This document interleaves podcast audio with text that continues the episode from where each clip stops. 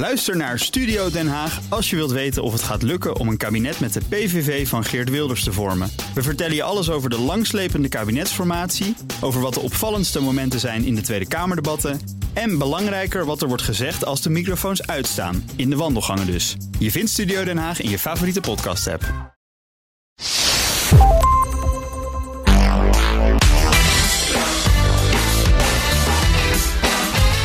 Dit is de Ben Tichelaar podcast, de podcast over persoonlijke en professionele groei. En deze aflevering verbinden we die twee onderwerpen wel heel erg met elkaar. We gaan het namelijk hebben over werkgeluk. Heel veel mensen vinden tegenwoordig dat werk je gelukkig moet maken. Dat werk je niet alleen energie mag kosten, maar ook moet geven. Maar is dat realistisch? Of vragen we eigenlijk te veel als we dit nastreven? Mijn gasten van vandaag hebben dit onderwerp flink op de kaart gezet in Nederland. Hun boek Gelukkig werken uit 2011 is inmiddels een evergreen. En afgelopen jaar verscheen van hen het handboek Werkgeluk. Welkom Onno Hamburger en Ad Bergsma. Heel fijn dat jullie er zijn. Voordat ik met jullie verder praat, eerst even dit. Deze podcast wordt mede mogelijk gemaakt door ADP. Het maakt niet uit in welke business je je begeeft. Groei gaat niet alleen over groter worden. Het draait ook om het sterker maken van jouw organisatie. ADP helpt je hiermee door data om te zetten in inzichten. Bijvoorbeeld met de hulp van artificial intelligence. Zo sporen ze fouten voor je op voordat ze problemen worden. En ADP houdt snel veranderende wetgeving in de gaten, zodat jij je kunt blijven concentreren op waar je goed in bent. Bekijk hoe jij HR, talent, tijd en payroll anders kunt organiseren op adp.nl. Onno, jij bent schrijver en opleider van leidinggevenden en coaches op het gebied van werkgeluk. Uh, waarom grijpt dit onderwerp jou zo? Waarom heb je daar zoveel jaren al van je leven ingestoken? Ik, ik denk één belangrijke reden is dat ik heel slecht kan tegen mensen die niet gelukkig zijn in hun werk. Het begon eens bij mijn eigen werkgeluk hoor, heel veel jaar geleden. Maar daarna merk ik uh, collega's, mensen om me heen, zus, van alles. Oké, ja. Uh, dus dat was een motivatie om ermee aan de slag te gaan. Dat was nog voordat je trainer en coach op dit gebied zeg maar werd. Absoluut, ja, absoluut. Ja. Wat deed je toen? Wat zag je gebeuren ik, om je heen ook? Ik werkte toen als uh, HR-adviseur op Aruba. Oké. Okay. Fantastische plek op zich. Ja, dan, moet dus iedereen toch gelukkig of niet? Ja, ja ik ging one, ook naartoe one met, happy island ik is gewoon de slogan. met een soort droom, weet je wel. Nu Ja. gaat het echt gebeuren. En ik merkte dat ik daar, weet je, het was privé hartstikke leuk. Het was prachtig op de surf en dat soort dingen. Maar qua werk was het echt, uh, echt een ramp. Dus voor mij is dat toen een startpunt geweest. Maar dat was ook een soort, echt een soort tegenvaller dus. Absoluut. Ja. Het was echt, echt een, uh, ja, dat is bijna niet voor te stellen. Want ik had alle schepen achter me verbrand in, uh, in Nederland. En ik was er naartoe gegaan. En mensen hadden echt zoiets van, ah, die Onno die, die zit daar onder een palmboom. Lekker cocktails te drinken. Heel relaxed. Terwijl ik knijterhard aan het werk was.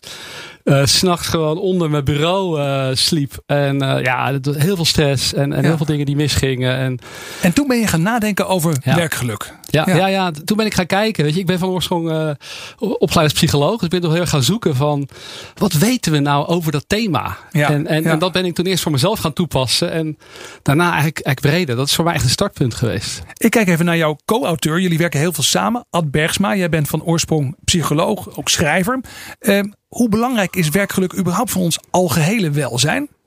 Niet zo heel erg belangrijk. Zo van je, eh, je levensgeluk heeft meer invloed op hoe je presteert op je werk dan je werkgeluk bijvoorbeeld. Eh, en het hangt er wel een beetje af van hoe belangrijk je je werk vindt. Als jij denkt, eh, werk is een wezenlijk onderdeel van wat ik aan het doen ben, dan is werkgeluk belangrijk. Maar als je denkt, oh, ik doe het even voor de hypotheek, dan maakt werkgeluk niet zo heel veel uit. Oké, dus de manier waarop je naar je werk kijkt bepaalt ook als een soort versterker of verzwakker van het belang van werkgeluk, zou je kunnen Absoluut, ja. zeggen. Ja, interessant. Hoe ben jij verzeild geraakt in de wereld van het werkgeluk? Nou ja, ik, ik kom uit de wereld van het geluk. Ik heb daar, ben daarop gepromoveerd. En eigenlijk is het zo, zo van heel veel dingen die we proberen te bereiken in het leven. Ook met werk, geld, status, eh, invloed. eh, dat mensen tegen je opkijken, dat je wat te doen hebt, zeg maar. Die maken je niet zoveel gelukkiger. En als je kijkt, bijvoorbeeld als je de loterij wint. Ja, Niet, niet 10.000 euro, hè, maar echt. maar wint, echt flink, een half miljoen echt of wint, meer. half miljoen. Ja, eh, dan stijg je geluk gemiddeld met 0,1 punt. Dat is nog niet zo heel erg veel, hè, zou je Dat, zeggen. dat loont de moeite niet Nee. zo. Terwijl als je iets anders naar je leven kijkt. Als je bijvoorbeeld iets dankbaarder bent. Dan win je vaak al een half punt. Dus eigenlijk heeft de psychologie meer over geluk te vertellen dan de economie. Oké, oh, dat is ook interessant. Ja. Ik kijk eventjes naar jullie beiden en ben ik heel benieuwd. eh, als we het hebben over werkgeluk. Ja, wat, is dat dan? Hè? Dan kun je luisteraars luisteren die denken, ja, wat, wat wordt er nou precies mee bedoeld? Is dat dat je dan elke dag fluitend naar je werk gaat? Nou, eh, als ik het antwoord mag geven, dan is het, uh, je hebt een hoeveelheid plezier en zingeving op je werk en je hebt een hoeveelheid pijn, chagrijn. Uh, terwijl je eigenlijk je, je, kind ziek is en je moet toch naar je werk, zeg maar. Dus je hebt pijn en plezier. En uh, werkgeluk is als je de balans tussen die twee positief inschat. Als je het gevoel hebt, nou eigenlijk uh, levert het me meer op dan dat het me kost. Is dat ook hoe jij naar ja, kijkt? Het, is een, het is een belevenisding. Ik, ik, ik koppel zeg maar uh, plezier, voldoening en zingeving. Die drie. Uh, ik denk dat dat een mooie, uh, dat dat verschillende aspecten zijn van werkgeluk. Oké, okay, dat is wel uh, interessant. Plezier, dat is een beetje kortstondig, denk ik ja, dan. Voldoening, ja. dat is al wat, nou ja, wat zwaarder, zou ik maar zeggen. En zingeving, dat is echt wel.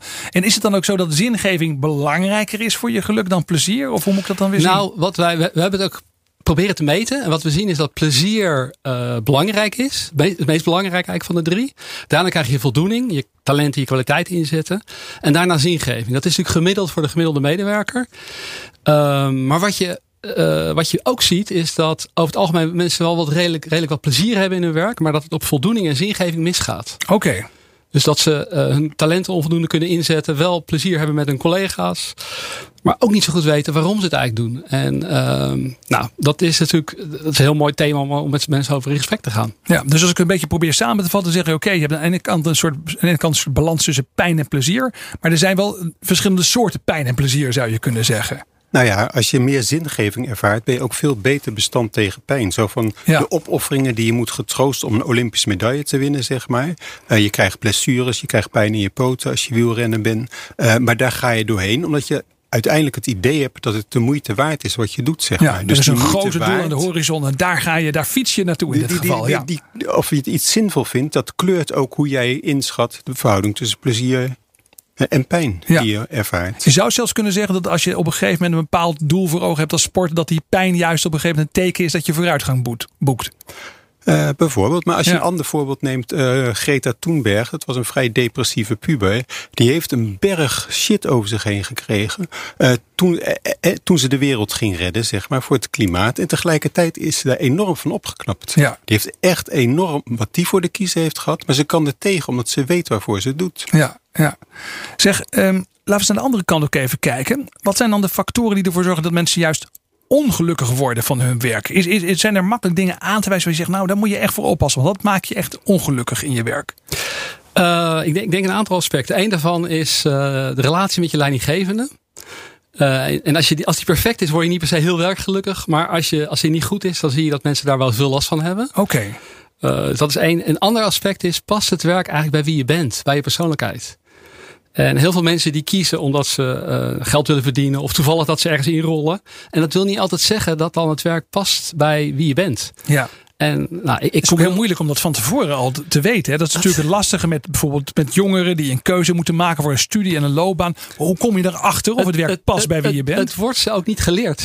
Oké, okay, ja. Dus, dus dat is, uh, het is geen onderdeel van, van een opleiding. Uh, en, en, en nou ja, hoe wij dat doen is dat we mensen helpen daar zicht op te krijgen. En dan, uh, nou weet je, in heel veel organisaties werken ze met kleurentesten en dat soort dingen. Ja. Um, zou ik zelf niet doen. Nee, ik ben daar een beetje. Ik, ben, ik hield me even stil. Ik denk welke nee, kant nee, gaat dit nee, om? Ik ben die, daar niet die, zo van. Die maar, kant, daar ben ja. ik niet van. Dus dat, okay, weet je, ja. dat is juist wat ik niet zou doen. Want dat ge geeft heel snel etiketjes van je bent blauw en je bent ja. geel. Ja. Terwijl wat we weten, als je bijvoorbeeld kijkt naar uh, de Big Five, hè, naar, naar wat meer. Uh, een serieus persoonlijkheidsonderzoek. Ja, een serieus persoonlijkheidsonderzoek. Dat geeft zo ontzettend veel informatie. Weet je, ook als leidinggevende voor wat een medewerker graag wil of niet, niet wil. Maar ik denk vooral ook als medewerker, dat moet je eigenlijk van jezelf weten. Dus factoren die je ongelukkig maken, een slechte verhouding met je direct leidinggevende, ja, ja. dat is niet goed. Nee. En uh, werk wat eigenlijk niet bij je past als persoon, ja. zou je kunnen zeggen. Wat zijn er nog meer dingen die je. je Gebrek aan autonomie uh, zou ik echt. Een, dat is echt. Uh, als je in Nederland kijkt, de helft van de werknemers ervaart te weinig autonomie. Uh, en een van de dingen, als je bijvoorbeeld in de chronische zorg kijkt, dan ben je de helft van de tijd ben je bezig uit te leggen dat je goed werk doet. Okay, dus je hebt ja. zeven soorten inspecties, je hebt allerlei soorten regels, dus je bent steeds maar laten zien. Terwijl je daardoor niet, je, je moet zo goed verantwoorden dat je je werk doet, dat je werk goed doet, dat je je werk niet meer goed kan doen. En daar worden mensen echt zagrijnig ja, van. Ja, dus die ruimte om zelf keuzes te kunnen maken in je werk, die is ook dus echt heel erg belangrijk. Ja. ja. Zeg, um, de afgelopen jaren is de aandacht eigenlijk voor het onderwerp geluk en ook werkgeluk is flink toegenomen. En er is zo'n raar fenomeen, er is al veel over geschreven, dat tegelijkertijd lijkt het wel zo te zijn dat het aantal depressies in westerse landen uh, steeds maar verder toeneemt. Dus we zijn de hele tijd bezig met geluk als onderwerp. We volgen training op dat gebied. En aan de andere kant zien we de, ja, een toename van uh, depressiviteitsdiagnoses. Uh, ja. Kan iemand me dat uitleggen? Hoe zit dat? Uh, niet in de tijd die je hebt. Dat duurt echt drie weken voordat je daarover uitgepraat bent. Maar je hebt een aantal dingen. Uh, naarmate mensen depressiever worden, ervaren ze leed. Dus dan ga je kijken hoe het anders kan. Uh, dus er is een verband tussen, tussen je rot voelen en kijken naar geluk. Als alles goed gaat. Er is ook meer aandacht voor het klimaat, omdat het slecht gaat met het klimaat. Zeg maar. Ja. Dat is één ding. Maar dat brengt mensen ook in actie en dan gaan ze misschien weer dingen verbeteren. Begrijp ik zeker. een beetje uit jouw en het, lukt, het lukt natuurlijk niet altijd. Het tweede ding is als je verwachtingen sneller stijgen dan de realiteit. Ja word je dus, uh, als je verbetering hebt in je leven, als je 1000 euro meer gaat verdienen, maar je had gerekend op 5000 erbij, en dan is die 1000 euro een bron van pijn. Dus, ja, dus als dus iedereen het heeft over werkgeluk, en er zijn allerlei mensen die boeken schrijven over werkgeluk, en kijk jullie eventjes beschuldigend aan nu. Ja, nee, en, ja. En, en, terecht, als jij in het boek zou vinden, zo van, we, we hebben 23 auteurs hè, van, van buiten erbij ja. gevraagd, en we hebben ze allemaal gevraagd welke valkuilen zitten erbij. En uh, de valkuil van te hoge verwachtingen is gewoon echt heel erg reëel. Zo van, uh, wat ik zelf graag aanhaal is Loesje, de grote filosoof Loesje van de Posters. Ja, ja, bekend, die zegt, ja. streef onbekommerd naar het ideale. Dus probeer te kijken wat lukt.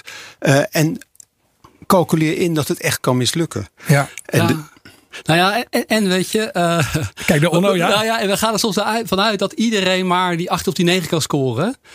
En dat, weet je, dat weten we gewoon, dat is echt bullshit. Ja. Sommige mensen beginnen nu eenmaal lager. Weet Sommige mensen hebben dus meer aanleg voor het ervaren absoluut. van geluk dan anderen. Absoluut, absoluut. Dus ja. een, een, soort van lat neerhogen, van, neerleggen van iedereen moet een acht hebben. Dat, ja, dat zorgt ervoor met geluk, maar ook precies met werkgeluk, dat je, uh, dat jezelf constant loopt af te straffen. Oké, okay, dan moet je dus voor jezelf niet als een soort opgelegde norm zien. Maar dat is ook niet handig om daarin een bedrijf aan te streven. Je zegt, we moeten allemaal deze gelukscore hebben, anders zijn we niet tevreden. Nee, Nee, dat, dat, is, dat is een highway to. Dat is een van de grote valkuilen van werkgeluk. Is die lat neer te leggen. Ja, oké. Okay. Uh, en, en ook niet te gaan. Weet je, een ander ding. Dat is ook met geluk zo.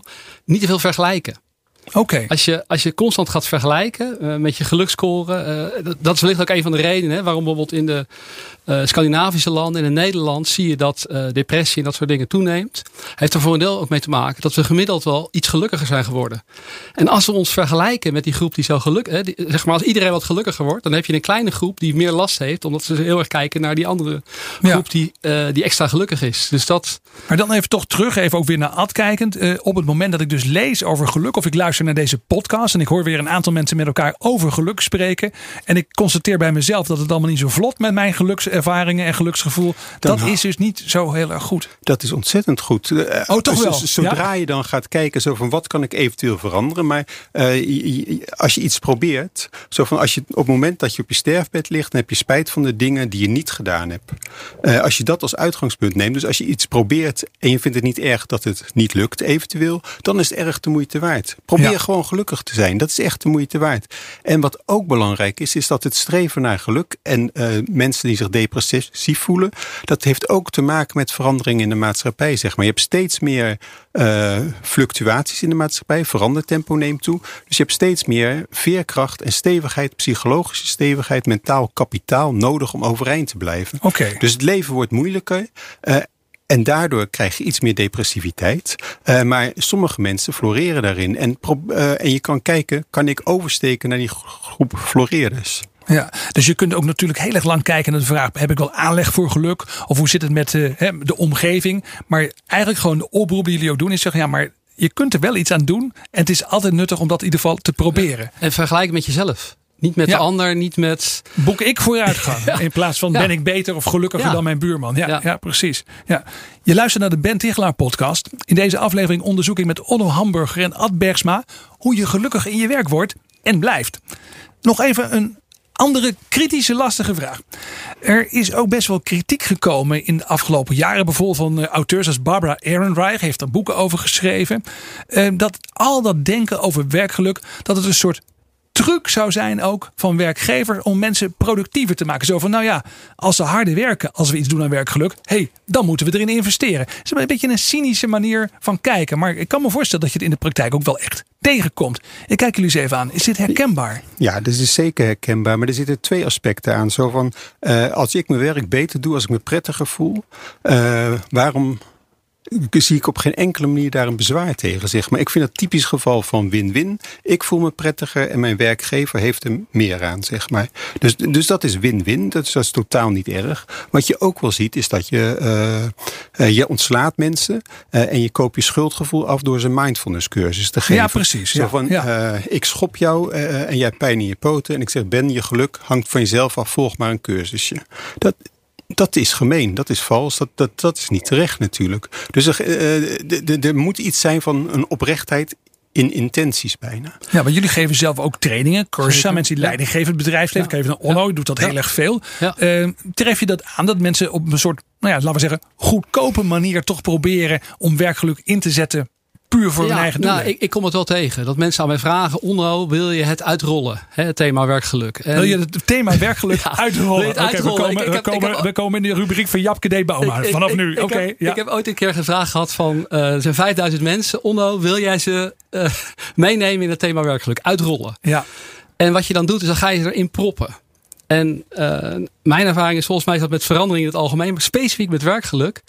Als je mensen het oplegt, dat werkt voor geen enkele meter. Ja. Dus de enige manier waarop het werkt, is mensen de mogelijkheid en de keuze en de ruimte geven dat ze zelf ervoor mogen kiezen. En dan, als ze dan mee aan de slag gaan. En, en weet je, dus je hebt het heel Hier zit ook die autonomie weer in. Hè? Want dus als je dus absoluut, gedwongen absoluut, wordt om iets te absoluut, doen, ook al je gedwongen gelukkig worden, helpt dus ook dan niet echt. Absoluut. Ja. Dat is wel een hele grote valkuil. Uh, dat je als HR of als management het wil gaan bepalen. Dat je het wil gaan controleren. Maar mijn idee, dat is korte termijn, dat is meer hedonisch. Ja, hedonisch geluk. En dat is niet, uh, dat is niet duurzaam. En, wat, bedoel, wat bedoel je met hedonisch geluk? Nou, dat je, stel je voor dat je ballonnen ophangt en je doet zitzakken en je laat mensen bijvoorbeeld heel veel waardering aan elkaar geven. Dan zie je oh ja. even dat het. Het verplichte, compliment, het verplichte ja. compliment. Ja, ja dat het verplichte dingen. compliment, daar gaan we weer. Hè? Zo van, en dan, uh, Jantine, geef jij Henk eens een compliment. Ja, En dan zie je dat even omhoog stijgen. Zijn mensen even enthousiast. Maar daarna, er is niks veranderd. Nee. Niks veranderd in de persoon zelf, maar ook niet in de organisatie en ook niet in het team.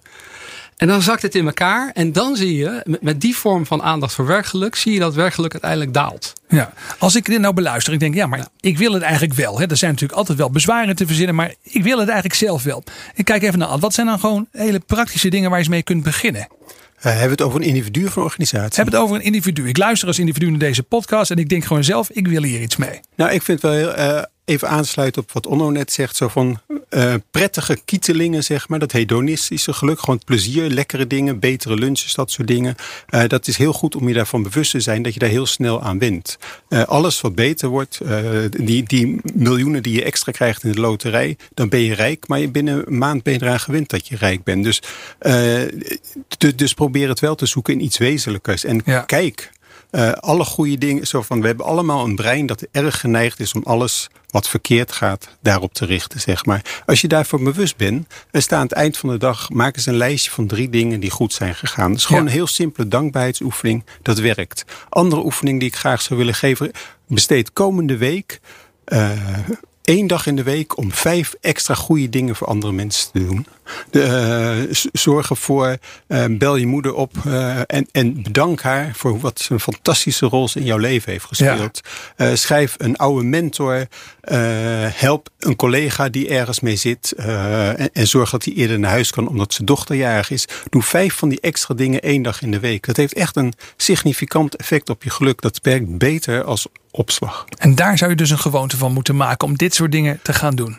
Nou, gewoonte is, is gelijk een gevaarlijk woord. Als je het okay, elke dag in de week groot. gaat doen. Ja. Nou, uh, je moet er wel een gewoonte van maken, maar je hebt wel veel variëteit in ge gewoontes nodig. Doe één dag in de week iets voor een ander. Zorg één dag in de week voor extra plezier. Zorg voor sporten. Zorg dat je variatie hebt. En Omdat je anders dat gewenningseffect weer krijgt, ook misschien hierin. Ja, je hebt echt ja. variatie nodig. En een ander ding is, als het eerste keer niet lukt, probeer het een tweede keer, probeer het een derde keer, probeer het een vierde keer. Uiteindelijk is echt uit onderzoek gebleken, mensen die vaker proberen, die zich echt er meer in vastbijten, die raken niet gefrustreerd dat het niet lukt, maar die lukt het op den duur wel. Ja. Het is echt een werk, eh, ja, werk en leven is een ontzettend moeilijke ontdekkingstocht. Of je moet kijken wat bij je past. Dus zoek daarnaar, neem daar de tijd voor, experimenteer daarmee. Dat hoeft dus inderdaad ook niet zo snel, nou ja, om het woord maar weer te gebruiken, uitgerold te worden. Ik zie Onno ook popelen. popelen. Jij Ja. hebt ook tips voor, Nou ja, voor de individuen je, die hier iets mee eh, willen. Ik denk een daarvan die we al eerder hebben, een beetje hebben geraakt is maar eh, leer jezelf goed kennen. En dan niet met die kleurentestjes, maar met die meer geavanceerde persoonlijkheidsvragenlijst. Dat is er Ja. één. Het tweede sluit aan bij wat jij zegt, Ad. Van, hè, eh, neem aan het eind van de dag even de tijd om te kijken naar wat er wel goed gaat. En, en, en een derde wat ik wel zie is, en dat heeft ook een beetje te maken met de afgelopen maanden. Ik zie, ehm, en dat zien we ook in het onderzoek terug, zie je behoorlijk wat, een beetje ontsprankeling. Mensen zijn wat minder. Ja, ik noem het ontsprankeling. Eh, wat minder, mensen zijn wat minder energiek, wat minder enthousiast. Komt dat omdat we zo'n lange periode van thuiswerken achter de rug hebben? En gedwongen thuiswerken dan ook misschien wel? Ja, waarschijnlijk is het de combinatie van verschillende factoren. Van dat thuiswerken. eh, ook wel dat ze, mensen missen hun collega's, missen de energie daarvan. Eh, ook wel het nieuws. De, negativiteit. En de, je hoeft het maar aan te zetten. Het gaat over dingen die misgaan of die verkeerd gaan. Ehm, en nou, wat wel leuk is, daar, daar is uitgebreid onderzoek naar gedaan van hoe voorkom je die ontsprankeling? Of hoe zorg je ervoor dat mensen weer gesprankeld worden? Hè? Dat er weer wat extra energie komt. En wat blijkt, nou, mindfulness werkt niet, optimisme werkt niet. Hè? Alle dingen die we gewoon Oké. al dachten, die, die werken allemaal niet. Er is een vaccin tegen. En, En dat eh, is? dat hebben ze in China hebben ze dat ontdekt. in ieder geval, dat was een van de eerste waar ze dat kwamen. En dat is eigenlijk een gevoel van flow creëren in je werk. En flow is een term die we ook heel hebben gehoord. En bedoel, je zou dus zeggen, dat, dat past een beetje ook in het rijtje van mindfulness en die andere dingen. Maar dat is dus wel iets echts. Nou, wat we zien, zeg maar, hoe meer mensen flow ervaren, hè, dat ze gefocust en geconcentreerd kunnen werken, eh, hoe langer ze dat doen, hoe meer ze beschermd zijn tegen die ontsprankeling. Dus Oké, is- en nog even om het goed te begrijpen. Flow, dat is geloof ik dat wat je dan doet, de uitdaging die je in je werk hebt en wat je goed kunt, dat is dan in een goed evenwicht met elkaar. Precies, de, de- dat is een deel. En je moet ook niet te veel afgeleid worden. hè. We worden door onze mobiele telefoon één Ja. in de acht minuten. En thuis word je door je kinderen misschien nu. Eh, dus juist even geconcentreerde, gefocuste aandacht. Waarbij je het idee hebt dat de tijd snel voorbij gaat. Je talenten en je kwaliteiten in kan zetten. Dat zijn allemaal dingen die horen bij flow. En je ziet dat En mensen. dat helpt echt. Dat helpt. En je ziet dat mensen dat eigenlijk bijzonder weinig hebben gedurende een week. Eh, de, de meeste mensen die, die zijn ongeveer zes uur per week geconcentreerd en gefocust aan het werk. Oké, dat is van de 40 uur die we werken, hè, ga ik maar even ruwweg vanuit, is dat wel echt een heel klein deeltje. Is, Ja. ik, vond, ik vond het echt bizar om dat te lezen. En daar komt zeg maar, wat, wat Ad eerder noemde, daar komt, hè, op het moment dat het groter wordt, hè, dat dat groter wordt als die zes uur, daar kan je dus aan werken. Dan zie je dus aan de ene kant dat mensen werkgelukkiger worden, maar ze worden ook productiever. Dus het is in die zin. En dan snijdt het mes aan twee kanten. het snijdt aan Ja. twee kanten. Het, Ja. het, het, het bijt elkaar niet, het versterkt elkaar. We zijn natuurlijk ook nog wel even benieuwd wat jullie zelf doen. We willen even met wat inspiratie proberen af te sluiten. Dus ik ben heel benieuwd. Ik ga eerst eens even weer naar Ad. Maar Ad, wat doe je zelf? Welke van deze adviezen gebruik jij zelf in je dagelijkse werk, dagelijkse leven? Eh, ik heb zelf best wel aanleg eh, om een beetje cynisch te zijn. En een beetje eh, heel goed te concentreren op alles wat misgaat. Ook heel goed te concentreren op eh, de dommigheid van andere mensen, zeg maar. dat, heb, dat heb ik van mezelf. En dat corrigeer ik wel bij mijn eigen. Ja. Bij mijn eigen. Bij je eigen, ja precies. Ja. En hoe doe je dat? Hoe corrigeer je dat? En ik denk dat best wel veel Nou, mensen dit herkennen. Nou, wat eigenlijk het leukste is, zo van als ik merk dat ik in die groef zit. Dus dat Oh ja. zit een e- e- element van mindfulness toch in, wat van Onno niet meer mag. Maar dat je het herkent en dat je denkt, haha, Ad, daar ga je weer. Wat ben je er toch eentje? Zo van, je vertelt anderen hoe het moet en je kan het zelf nog steeds Dat niet. je ook met een En beetje je- humor naar jezelf kijkt. En je, laten we zeggen, ook je slechte gewoontes met een beetje humor benadert. Absoluut, ja. Ja. Dat helpt. Ja, Ja, het helpt mooi. mij in ieder geval. Ja, dat klinkt heel goed. En, en dan kijk ik nog even Ja. naar Onno. Wat, wat is- doe Nou, jij? Ik, ik, ik Wat ben, doe jij? ik ben eigen ondernemer, maar ik zoek eh, inspirerende mensen om me heen om dingen mee te bouwen. Ik merk dat dat heel veel energie geeft. Eh, ik ben redelijk gevoelig voor negatieve emoties. Dus ik doe, eh, ik loop hard, ik sport veel, maar ik doe ook aan meditatie en dat soort dingen. En ik ben ook af en toe redelijk afgeleid. Ja. Omdat ik heel veel dingen leuk en interessant vind. Dus een van de dingen die ik doe, ik gebruik een app. Die heet Forest. Ik heb er Ja, geen aandelen in. Forest, net Als, als bos. Als bos, ja. en, en wat dat doet is je plant een zaadje en je geeft jezelf ongeveer 30 minuten. En dan wordt dat zaadje, dat wordt een boompje en dat groeit zo langzamerhand. En als je tussendoor op je Insta zit of op je eh, een of andere, op je app of op je dingen, dan Ja. gaat dat boompje dood. Dan gaat het boompje dood. Dus dat Oh. helpt om jezelf te focussen en te concentreren. En dat kan je ook nog een keer in een team doen. Oké, dus je En moet dat- voor je boompje zorgen, voor je geluksboom. Ja, precies. Dat is ja. een hele kleine interventie. Maar ik heb gewerkt altijd bij mezelf. Trouwens ook bij mijn zoon. Mijn zoontje, dat dat ontzettend goed werkt. Leuke, leuke eh, hele praktische tips, maar ook mooie inzichten. Ik, ben, ik heb het gevoel dat ik echt iets heb geleerd. Dus ik wil jullie ontzettend hartelijk danken voor jullie aanwezigheid. Onno Hamburger en Ad Bergsma, experts op het gebied van werkgeluk. Dankjewel. Dankjewel. Dit was de Ben Tichelaar podcast bij BNR. Vond je dit interessant en wil je één keer per maand de drie beste tips uit mijn gesprekken en columns ontvangen? Ga dan naar tichelaar.nl slash BNR en laat je mailadres even achter. Dank voor het luisteren en tot snel.